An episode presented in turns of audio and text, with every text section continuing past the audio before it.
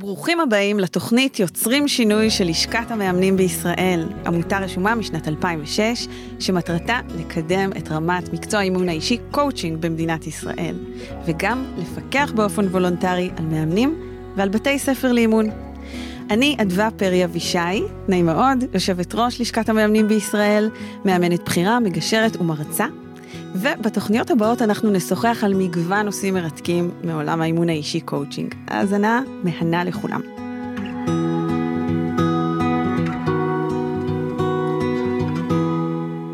ברוכים הבאים לפרק נוסף בפודקאסט יוצרים שינוי של לשכת המאמנים בישראל. אני אדוה פרי אבישי, יושבת ראש הלשכה, ולמעשה זה איזשהו פרק אה, מסכם של אה, סדרת הפודקאסטים אה, שערכנו ככה בכל הקשור לנושא של אימון אישי וקואוצ'ינג וכל הפעילות בעצם של הארגון החשוב הזה של לשכת המאמנים בישראל. אז ככה אני נרגשת במיוחד בפרק הזה. ניסינו ככה במהלך הסדרה הזאת לתת איזושהי טעימה על קצה המזלג, קהל המאזינות והמאזינים, מהו עולם האימון האישי, וככה נגענו גם ספציפית בכל מיני תחומים.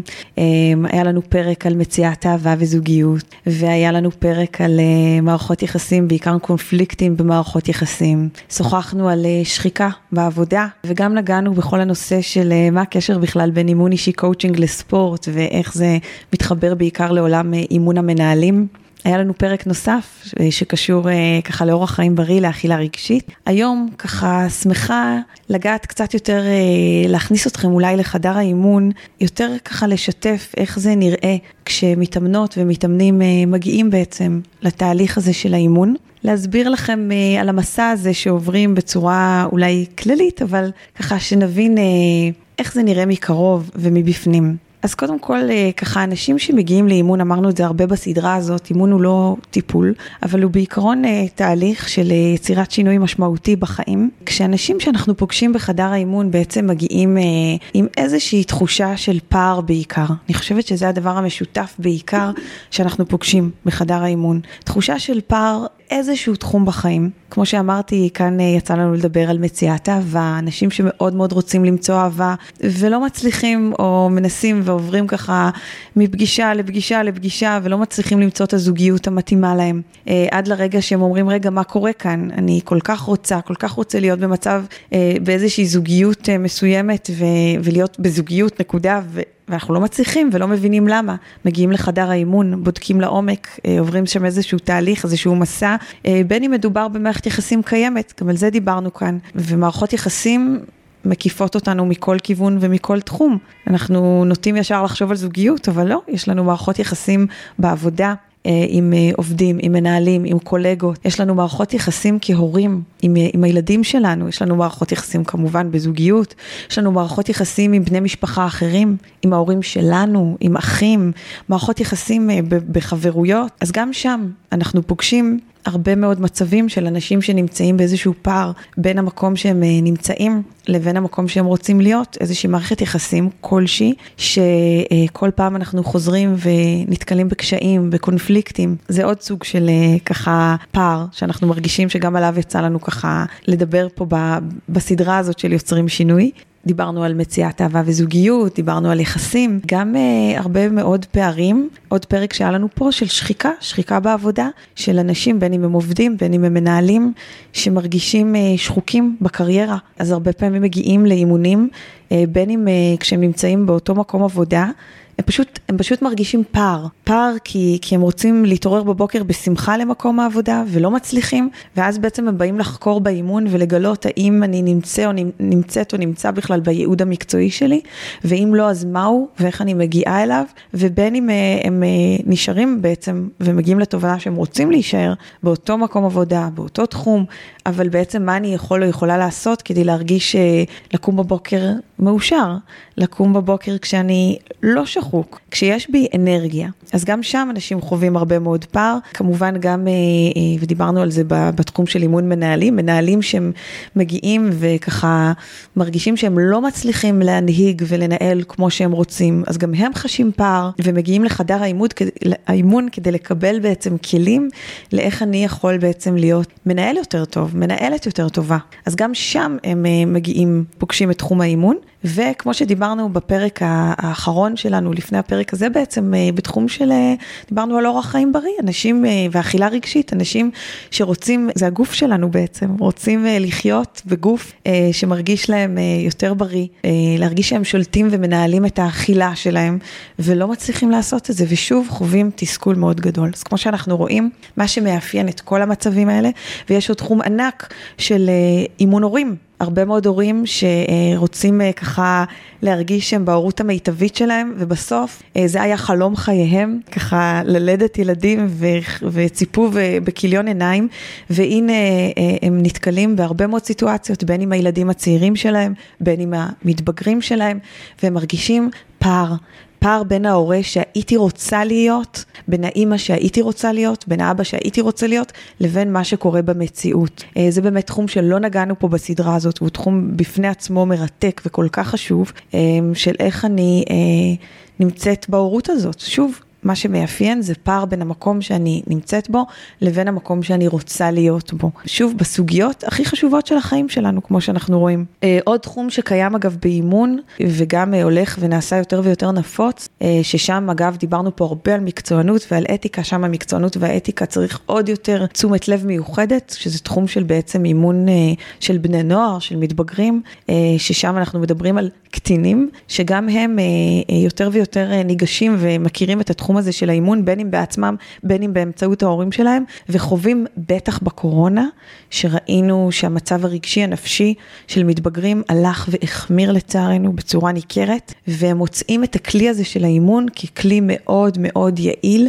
שוב, הם נמצאים בחיים הצעירים שלהם, במקום שהם חווים פער מאוד גדול אה, ותסכול מהמקום שהם רוצים להיות, הם רוצים להרגיש, להרגיש טוב עם עצמם, הם רוצים לאהוב את עצמם, הם רוצים להיות מקובלים, הם רוצים להצליח אה, בלימודים, בכל תחום שהם עוסקים, והם אה, הרבה פעמים חווים שוב אני אומרת, במיוחד עכשיו אנחנו רואים את זה המון אחרי התקופה של הקורונה, והם מרגישים אה, תחושות מאוד קשות, אה, בין אם חברתיות, לימודיות, בדימוי העצמי, ובעצם הם ניגשים ופוגשים בכלי הזה של האימון שעוזר להם בצורה מופלאה, כי בעצם הכלי הזה של האימון הוא כלי של העצמה, בין היתר, שאמור לייצר, מטרתו לייצר שינוי משמעותי בפרק זמן גם קצר, ואתם יודעים, אנחנו חיים היום בעולם ש, שאין לנו הרבה יותר מדי סבלנות, בטח לצעירים שבינינו, אגב מתבגרים, אין לנו יותר מדי סבלנות לחכות אה, הרבה מאוד שנים כדי שהשינוי המיוחל יגיע.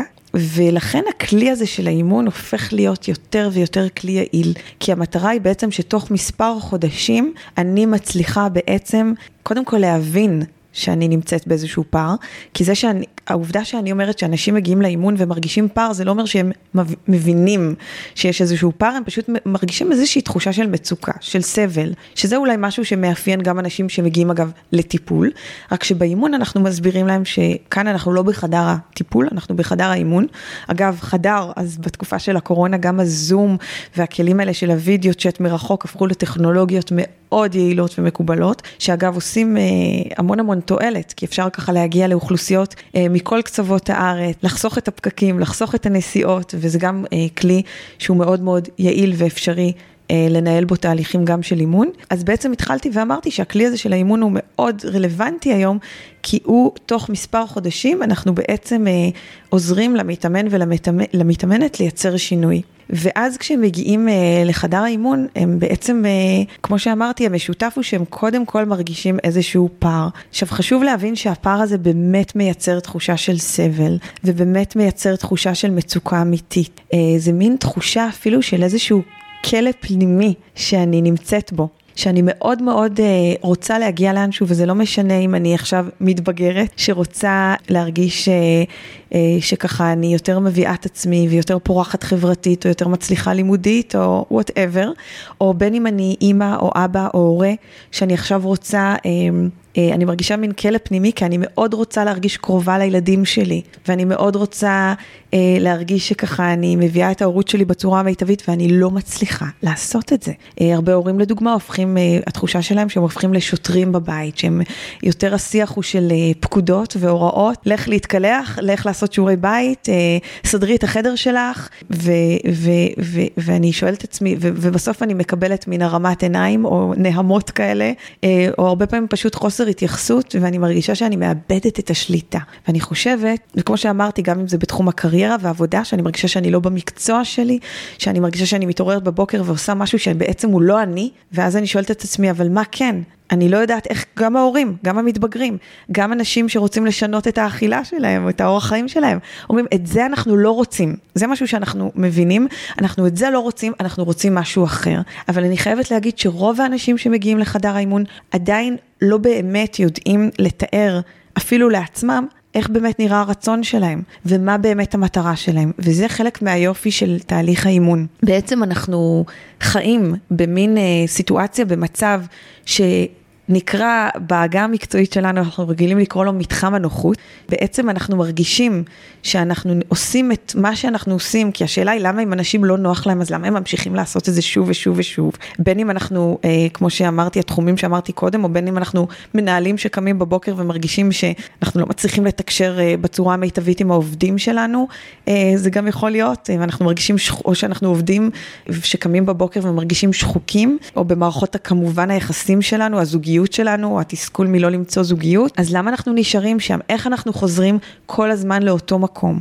ולזה קוראים מתחם הנוחות. והעניין הוא שכשהמתאמנים האלה והמתאמנות מגיעים לחדר האימון, זה אומר שהנוחות כבר הפכה לתקיעות. כלומר, המקום הזה שאני רגילה לעשות אותו, והתרגלתי, ולהרגל יש כוח מאוד חזק, ויש לו גם אפקט מוחי אגב, כי בעצם אה, מתחם הנוחות הזה, אפשר לתאר אותו בעצם אה, מבחינה מוחית, פיזיולוגית, יש...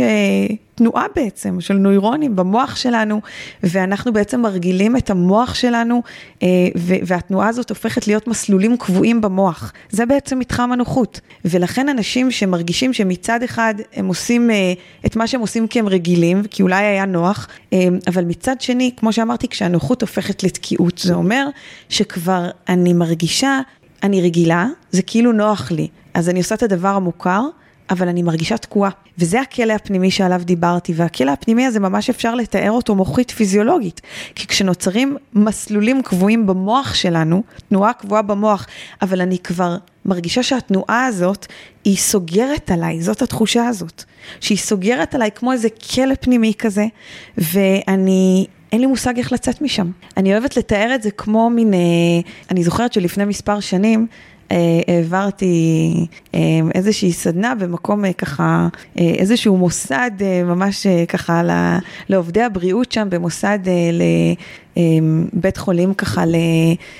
שעוסק בבריאות הנפש, ואני זוכרת שיש מין כמו סורגים לא כמו, יש מין סורגים שמקיפים את המוסד כדי לשמור על מי שנמצא שם, ומעבר לסורגים רואים את הים. ואני זוכרת שנעמדתי ככה ליד הסורגים, והתבוננתי על הים, והרגשתי דיסוננס מאוד מאוד גדול כי בחוץ נשקף ים כחול ומהמם, שמייצג את החופש, ו...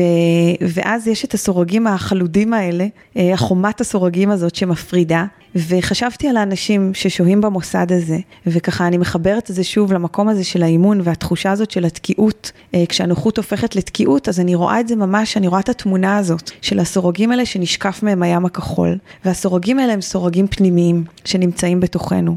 כשאנחנו מרגישים שמצד אחד אנחנו מאוד רוצים לחיות את החיים שלנו אחרת, זה אפילו שאנחנו מרגישים שאנחנו חיים חיים של מישהו אחר.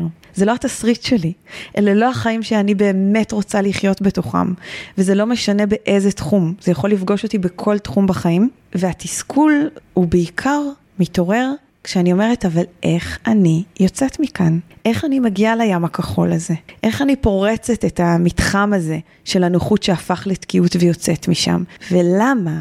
איך זה יכול להיות שאני נשארת כל כך הרבה זמן במקום שהוא כל כך לא בריא לי וכל כך לא טוב לי? איך זה קורה לי? וזה מעורר הרבה פעמים המון רגשות של אשמה, של ביקורת פנימית, של כמו שאמרתי, תסכול, עצב.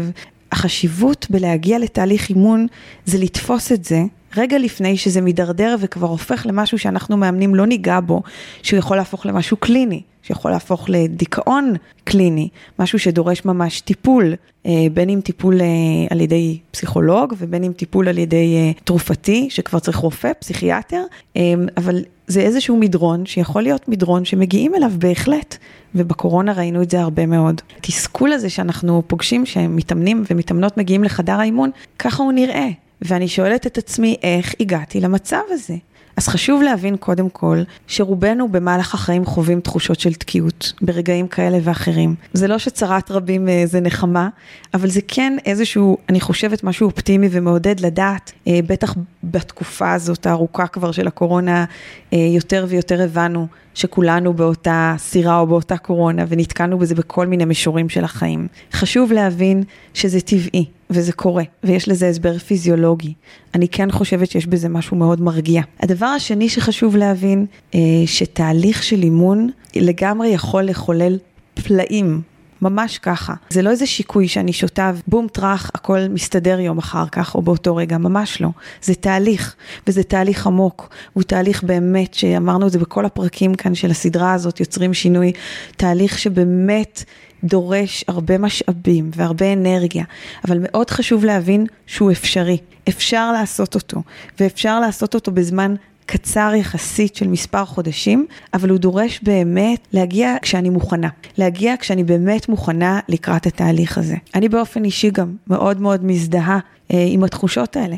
אה, גם אני הגעתי אה, ככה לתחום הזה של האימון, אחרי שחוויתי, משהו עורר אותי, אירוע שקרה לי בחיים שלי, אה, אבל חוויתי הרבה מאוד זמן תחושה של איזושהי תקיעות שהייתה בתחום מקצועי. הייתי עורכת דין, עסקתי בתחום המשפטי הרבה מאוד שנים, אבל uh, הרגשתי שטוב לי, ושאני נהנית, ושאני תורמת, ושאני משמעותית, אבל היה איזה קול פנימי בתוכי שאמר לי, אבל זה לא הייעוד האמיתי שלך. איזשהו קול ובעצם רק אחרי שחוויתי איזושהי טראומה אישית, מוות של, של אימא שלי, בעצם התחלתי לעבור תהליך פנימי עם עצמי ולשאול את עצמי הרבה מאוד שאלות. במקרה הזה שאלות של ייעוד מקצועי, וככה הגעתי בעצם לתחום הזה של, ה, של האימון. אז הרבה מאוד שאלות, אבל זה תהליך שבעצם אה, כל מאמן ומאמנת, אה, בטח תחת לשכת המאמנים, יספרו לכם שהם בעצמם חוו את התחושות האלה. הם בעצמם עברו בעצמם את המסע הזה, היו גם הם במצבים האלה, והבינו ש...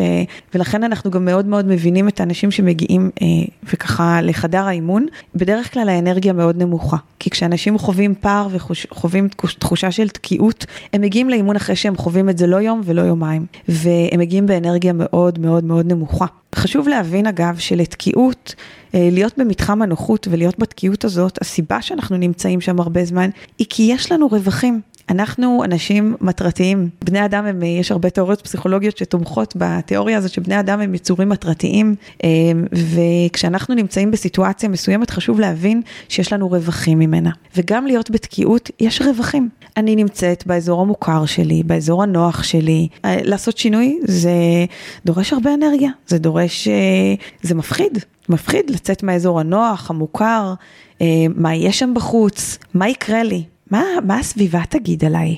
על השינוי הזה.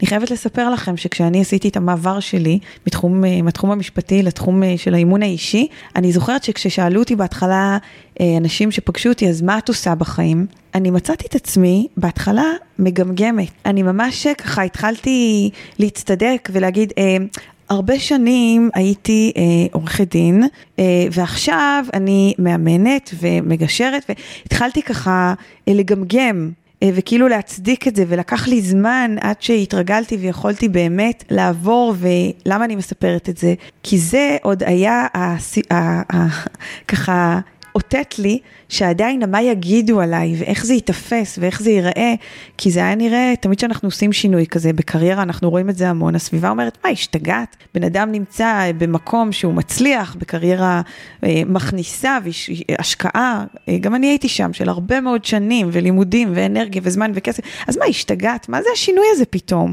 מה, מה קורה? אנחנו רואים את זה גם עם אנשים, לא רק שמחליפים מקום עבודה, אלא גם עושים שינויים אחרים בחיים, בזוגיות, ב, אה, בהרבה מאוד תחומים אחרים. אה, אז גם החשש הזה, מה יגידו עליי, מלווה? מה, איך אני אהיה שם? האם אני אצליח? אה, מה יקרה לי כשאני אעבור לדבר החדש הזה שאני עושה? אולי כל האנרגיה הזאת שאני משקיעה, בסוף אני אכשל. אנחנו נורא נורא מפחדים מכישלון, וזה מחזיק אותנו בתוך התקיעות הזאת. יש לנו שם רווחים. כשאנחנו מכירים בעובדה שיש רווחים, יותר קל לנו להתבונן ככה בלבן של העיניים של עצמנו. ואז השאלה אם אנחנו אה, מסוגלים לראות את הרווחים במקום שאליו נגיע. אבל כדי לראות את הרווחים האלה, אנחנו קודם כל צריכים לעבור את התהליך הפנימי של להכיר את עצמנו. וזה בעצם המפתח. המפתח באימון הוא זה נכון שבסופו של דבר אימון הוא תהליך של שינוי משמעותי בזמן מוגדר מראש, הכל טוב ויפה, אבל בסופו של דבר שינוי כדי שהוא באמת יחזיק, וכדי שבאמת זה לא יהיה שהמטרה היא באימון היא לצייד את המתאמן והמתאמנת שלנו בכלים בכלים שבפעם הבאה שהם ייתקלו בדבר הזה שהם כל פעם מגיעים אליו, אני קוראת לזה הבור, יש שיר יפה של, שמתאר מצב שאדם אה, הולך ונתקל בבור, והוא ככה בפעם הראשונה נופל בבור, ואחר כך הוא כבר יודע שיש בור, אז הוא נופל, אבל הוא מודע לזה, ואחר כך הוא מנסה אה, ככה אה, לעקוף את הבור, ומתי השינוי האמיתי שקורה? הוא קורה כשאנחנו כבר לא הולכים בדרך שאנחנו יודעים שיש בור, אלא שיש דרך חדשה. אבל כדי להגיע לדרך החדשה הזאת, זה מה שאנחנו עושים באימון, אנחנו קודם כל צריכים להכיר את עצמנו. כדי לטפל במערכות היחסים שלנו בחיים, אה, מכל סוג שהוא, אנחנו קודם כל צריכים להכיר את עצמנו ואת מערכת היחסים עם עצמנו. וזה מה שאנחנו עושים בהתחלה, בתהליך האימון אנחנו בונים את התשתיות. אז מה שאני מנסה לומר הוא שקודם כל אנחנו צריכים להכיר את עצמנו בתהליך של האימון, וזה מה שהמאמן והמאמנת או המאמנת עוזרים למתאמנים בחדר האימון לעבור את הדרך הזאת. ומה זה אומר להכיר את עצמי?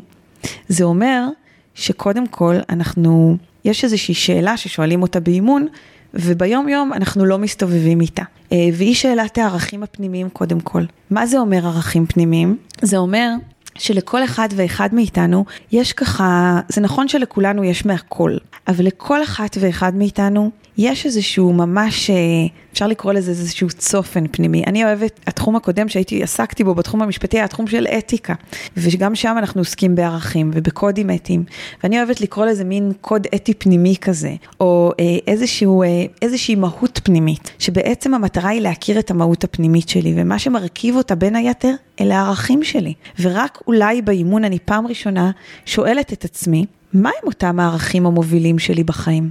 מה זה אומר ערכים אגב? מה זה אומר בכלל? ערך. ערך, המשמעות היא כל מה שאני בעצם נותנת לו משקל וערך בחיים שלי, אבל נותנת לו במיוחד. לדוגמה, האם אני אה, ערך של אה, יושרה? זה ערך שיש לו משמעות מאוד מאוד חשובה בעיניי, כן או לא? האם ערך של אה, אה, חופש, זה איזשהו ערך שהוא, יש לו משמעות מאוד גדולה מבחינתי. אני יכולה לתת עוד הרבה מאוד דוגמאות, אבל למה כל כך חשוב קודם כל להכיר ולהתחיל להכיר את הערכים הפנימיים שלנו בחדר האימון, עוד לפני שאנחנו בכלל שואלים שאלות של מה המטרה שלי, ומה החזון שלי ואיך אני אגיע לשם. כי קודם כל חשוב שאני אכיר את הקוד הזה הפנימי שלי, עם עצמי, כי כשאני אבין מהם הערכים המובילים שלי והמנחים אותי, אז אני אוכל להתבונן על שטחי החיים שלי השונים, ולשאול את עצמי, רגע, האם הערכים האלה, שאני מבינה ש, שהם בעצם זה התמצית הפנימית, המהות הפנימית שלי, האם הם נמצאים שם? האם הם נמצאים בזוגיות שלי? בהורות שלי? בקריירה שלי? במקום העבודה הספציפי שלי? באורח החיים שלי? באיך שאני מתייחסת לגוף שלי? האם הערכים האלה נוכחים שם? אם לדוגמה אני אומרת ומבינה על עצמי שלדוגמה ערך של אותנטיות הוא ערך שהוא מאוד משמעותי מבחינתי, האם באמת אני אותנטית ב... עם עצמי? האם אני אותנטית במערכות היחסים שלי? האם אני באמת אומרת את האני מאמין האמיתי שלי? עכשיו, יש כל מיני שיטות וכל מיני כלים מאוד יצירתיים, הרבה מהם, אה, אני אפשר לקרוא להם במרכאות עוקפי mind, כלומר אה, עוקפי היגיון, שבאמצעותם אנחנו מגלים ומכירים את עצמנו מחדש, אפשר להגיד, באימון. זה סוג של אפילו מין תחושה של לידה מחדש הרבה פעמים, כי בעצם אני מתבוננת על עצמי. אם מתבגרים מגיעים לאימון, זכו עשו את זה בגיל ההתבגרות. אם אה, אה, יכולים גם להגיע אנשים אה, בגילאים הרבה יותר מתקדמים, יש המון אנשים בגילי ה-60 פלוס שמגיעים לאימון ויותר, וזאת לפעמים יכולה להיות הפעם הראשונה שהם שואלים את עצמם את השאלות האלה, ומתבוננים על עצמם מחדש אחרת. ואת כל זה עושים בחדר האימון. ואז כשאני באמת ממפה, והתחלתי להגיד בתרגילים עוקפי mind, למה עוקפי mind? למה עוקפי היגיון? כי רובנו משתמשים ורגילים להשתמש בהיגיון ככלי ונותנים לו המון ערך ומשמעות. אבל למעשה, מחקרים מראים לנו שההיגיון ההיגיון שלנו זה הכלי אה, אולי הכי פחות חזק שיש לנו. רוב המוח שלנו מתנהל בכלל באזורים של תת המודע, באזורים לא מודעים. אה, ששם לא נמצא היגיון. ההיגיון נמצא בחלק מאוד מסוים במוח, אה, באזור מאחורי המצח, שנקרא פרה-פרונטל קורטקס, אבל הוא לא מהווה את רוב המוח שלנו. ואני חייבת אה, ככה להתוודות שרוב חיי אני נתתי בעיקר משמעות להיגיון. מבחינתי ההיגיון היה הכלי המנצח. אני בכלל לא ידעתי ולא הבנתי שבעצם בתת המודע שלי במוח, שגם האזור של האינטואיציה במוח נמצא שם, בחלק הלא מודע במוח, דווקא משם מגיעות רוב התשובות. אז כשאנחנו בעצם באימון, אנחנו, יש לנו כל מיני תרגילים כדי לעזור למתאמנים רגע לשים אה, גם את ההיגיון לפעמים בצד, כי היגיון הוא מגיע מהרבה מאוד אה, ככה סיפורים שסיפרנו לעצמנו במהלך החיים, מציאות שיצרנו ובראנו סובייקטיבית, תפיסות שבנינו רובד על רובד על רובד והן נראות לנו מאוד הגיוניות. אלפרד אדלר נהג לומר שכל תינוק נולד ככה עם ההיגיון הפרטי ולאט לאט הוא מפתח והופך את זה להיגיון כללי על החיים וההיגיון הכללי הזה זאת המציאות שאנחנו מספרים לעצמנו שהיא נכונה והיא אמת אבסולוטית. אז בתהליך האימון אנחנו מנסים אה, רגע לעשות סוג של, אה, במרכאות אני אה, קוראת לביטוי הזה סוג של brain peeling, שזה מעין לעשות תהליך של פילינג, קילוף לסיפורים האלה. ולהגיע לקור, לגרעין, ושם לגלות את ה... באמת מהם הערכים המובילים שלי, ואיזשהו מצפן לבדוק אם הם נוכחים בחיים. לגלות את הרצונות שלי, את התשוקות שלי, שאני במשך הרבה מאוד שנים, לפעמים אפילו עשרות שנים, חייתי בחיים שאני מזיזה את זה הצידה. תשאלו ילד, ככל שהוא יהיה יותר צעיר, אה, זה, זה, ככה השאלה הזאת תהיה יותר אה, מובהקת. תשאלו ילד קטן, מה אתה רוצה חמוד? הוא ישר יגיד לכם מה הוא רוצה, בלי להתבלבל ובלי לחשוב. ילדים קטנים, אה, הם פשוט בשלב שהמוח שלהם הוא הרבה יותר, אני במרכאות פתוח, כלומר האזור הרגשי הוא הדומיננטי, הם פחות הספיקו לספר לעצמם את כל הסיפורים האלה אה, שאנחנו המבוגרים הצלחנו ויצרנו באמת קשרים כאלה במוח של הרגלים והרגלי חשיבה, זה הרגלים שנוצרו בצורה מאוד פיזיולוגית במוח. אז ילדים קטנים יודעים מאוד מהר לענות, אבל אנשים מבוגרים מגיעים לחדר האימון, מכירים את, אה, נניח עוברים את ההליך, מכירים את מפת הערכים הפנימית, מגיעים לשלב ש... הם שואלים את עצמם, אז מה בעצם אנחנו רוצים? והרבה מאוד מתאמנים מגיעים והם לא יודעים מה הם רוצים באמת. הם חושבים שהם סיפרו לעצמם משהו שהם רצו, אבל הם פתאום מגלים שזה לא הרצון האמיתי שלהם. והם כל כך הרבה, בגלל זה קראתי לזה סוג של brain peeling, זה לקלף, לקלף, לקלף את השכבות האלה, ולנסות ולהבין מבפנים מה באמת, איך נראות באמת התשוקות שלי, ואיך באמת נראים הרצונות שלי, לאן, מה, מה, מה באמת אני רוצה. כמו שלדוגמה אני עשיתי עם עצמי בתחום המקצועי. ושאלתי את עצמי מה באמת אני רוצה, לעזוב את כל השנים האלה של הריצוי ושל הרצון אה, אה, בלקבל הכרה כזאת או אחרת, או לעשות וי, או ללכת למה שהיה נדמה לי שהוא הצלחה מסחררת. אה, כל ה... הרבה מאוד אנשים שהם עושים מסלול מסוים בקריירה ורוצים לשנות, אבל לא רק, גם בזוגיות, בהרבה מאוד תחומים. גם מנהלים שמגיעים לאימון וסיפרו לעצמם שזאת הדרך לנהל, וזה לא עובד להם, זה לא עובד להם בשטח. ואז הם מגיעים לאימון ושואלים את עצמם באמת מה הערכים שלי, מה הרצונות שלי, באמת איך אני רוצה שזה ייראה ביום יום. אז זה יכול לפגוש אותנו בכל תחום בחיים. אה, אז באמת כשנפתחת הדלת הזאת, בין אם הדלת הפיזית ובין אם זה דלת אה, וירטואלית שהיא באמצעות זום או כל מפגש אחר של אימון, קודם כל אנחנו עוזרים למתאמנים שיושבים מולנו, קודם כל להכיר את עצמם. קודם כל להבין, כמו שאמרתי, מהם הערכים, מהם הרצונות, מהם התשוקות, ואחר כך גם להבין לאן אני רוצה להגיע. כי הליך האימון הוא הליך מאוד מטרתי, ומאוד מאוד חשוב אה, לבנות ביחד בחדר האימון מטרה, אבל לא סתם מטרה, אלא מטרה שהיא אימונית. כלומר, מטרה שאפשר להגדיר אותה בצורה מאוד ספציפית, לתחום אותה בזמן, היא בת השגה, היא ריאלית, אבל אה, אגב, השלב הזה של לגזור בכלל את המטרות ולהבין את המטרות, הם שלב גם שקורה רק אחרי שאני מציירת לעצמי בכלל איזשהו חזון כללי, שאת זה אנחנו עושים עם המתאמנים שלנו. אנחנו עוזרים להם לבנות את התמונה המיטבית שאליה הם רוצים להגיע. וכמו שאמרתי, זה הרבה פעמים אה, ובדרך כלל קורה בצורה המדויקת ביותר דווקא בכלים שלא מגיעים מההיגיון, כמו דמיון מודרך, כמו כל מיני כלים שאנחנו בעצם אה, עושים ביחד עם המתאמנים ומביאים אותם באמת ככה להתפרע בדמיון, אבל אנחנו שומרים שכמובן אה, זה יישאר מציאותי. אה, לאן הם רוצים להגיע שנה מהיום, חמש שנים מהיום, תלוי באיזה אימון אנחנו ואיזה סוג אימון אה, אנחנו עוסקים בו, ולצייר את התמונה הזאת כמה שיותר מפורטת, כמה שיותר בהירה, כמה שיותר שהם יכולים לראות אותה במציאות. אנחנו הרבה פעמים ממליצים ומציעים למצוא איזה דימוי ולהנכיח אותו במציאות של החזון הזה, כדי להחזיק את זה חזק, שזה יהיה ככה, אם אנחנו נדמיין איזה הר גדול, שבאימון אנחנו עוברים תהליך של שינוי ורוצים לטפס על איזשהו כאילו סוג של מין אה, במרכאות הר, ובקצה שלו מגיעים לזה אוצר כביכול, אז האוצר הזה זה החזון הנכסף. ככל שאנחנו עוזרים למתאמנים לראות אותו יותר ברור, אז כך אחר כך גם יותר גם קל לנו לסמן את השלבים בדרך. שאלה המטרות בעצם.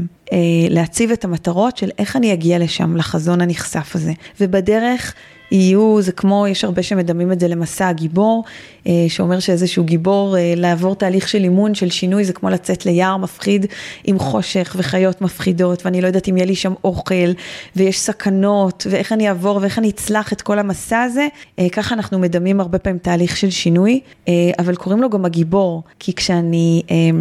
עושה כבר את התהליך הזה ונמצאת שם ומגשרת על הפער אחרי שהבנתי אותו, וזה תהליך מאוד מעצים, כי הוא מאוד מחבר לעוצמות ולחוזקות וליכולות, שזה עוד משהו שאנחנו כמובן עושים באימון, מחברים כל הזמן לעוצמות וליכולות, ואנחנו מזהים אותם ומאמינים בהם, ואנחנו מתגברים ומזהים את החסמים.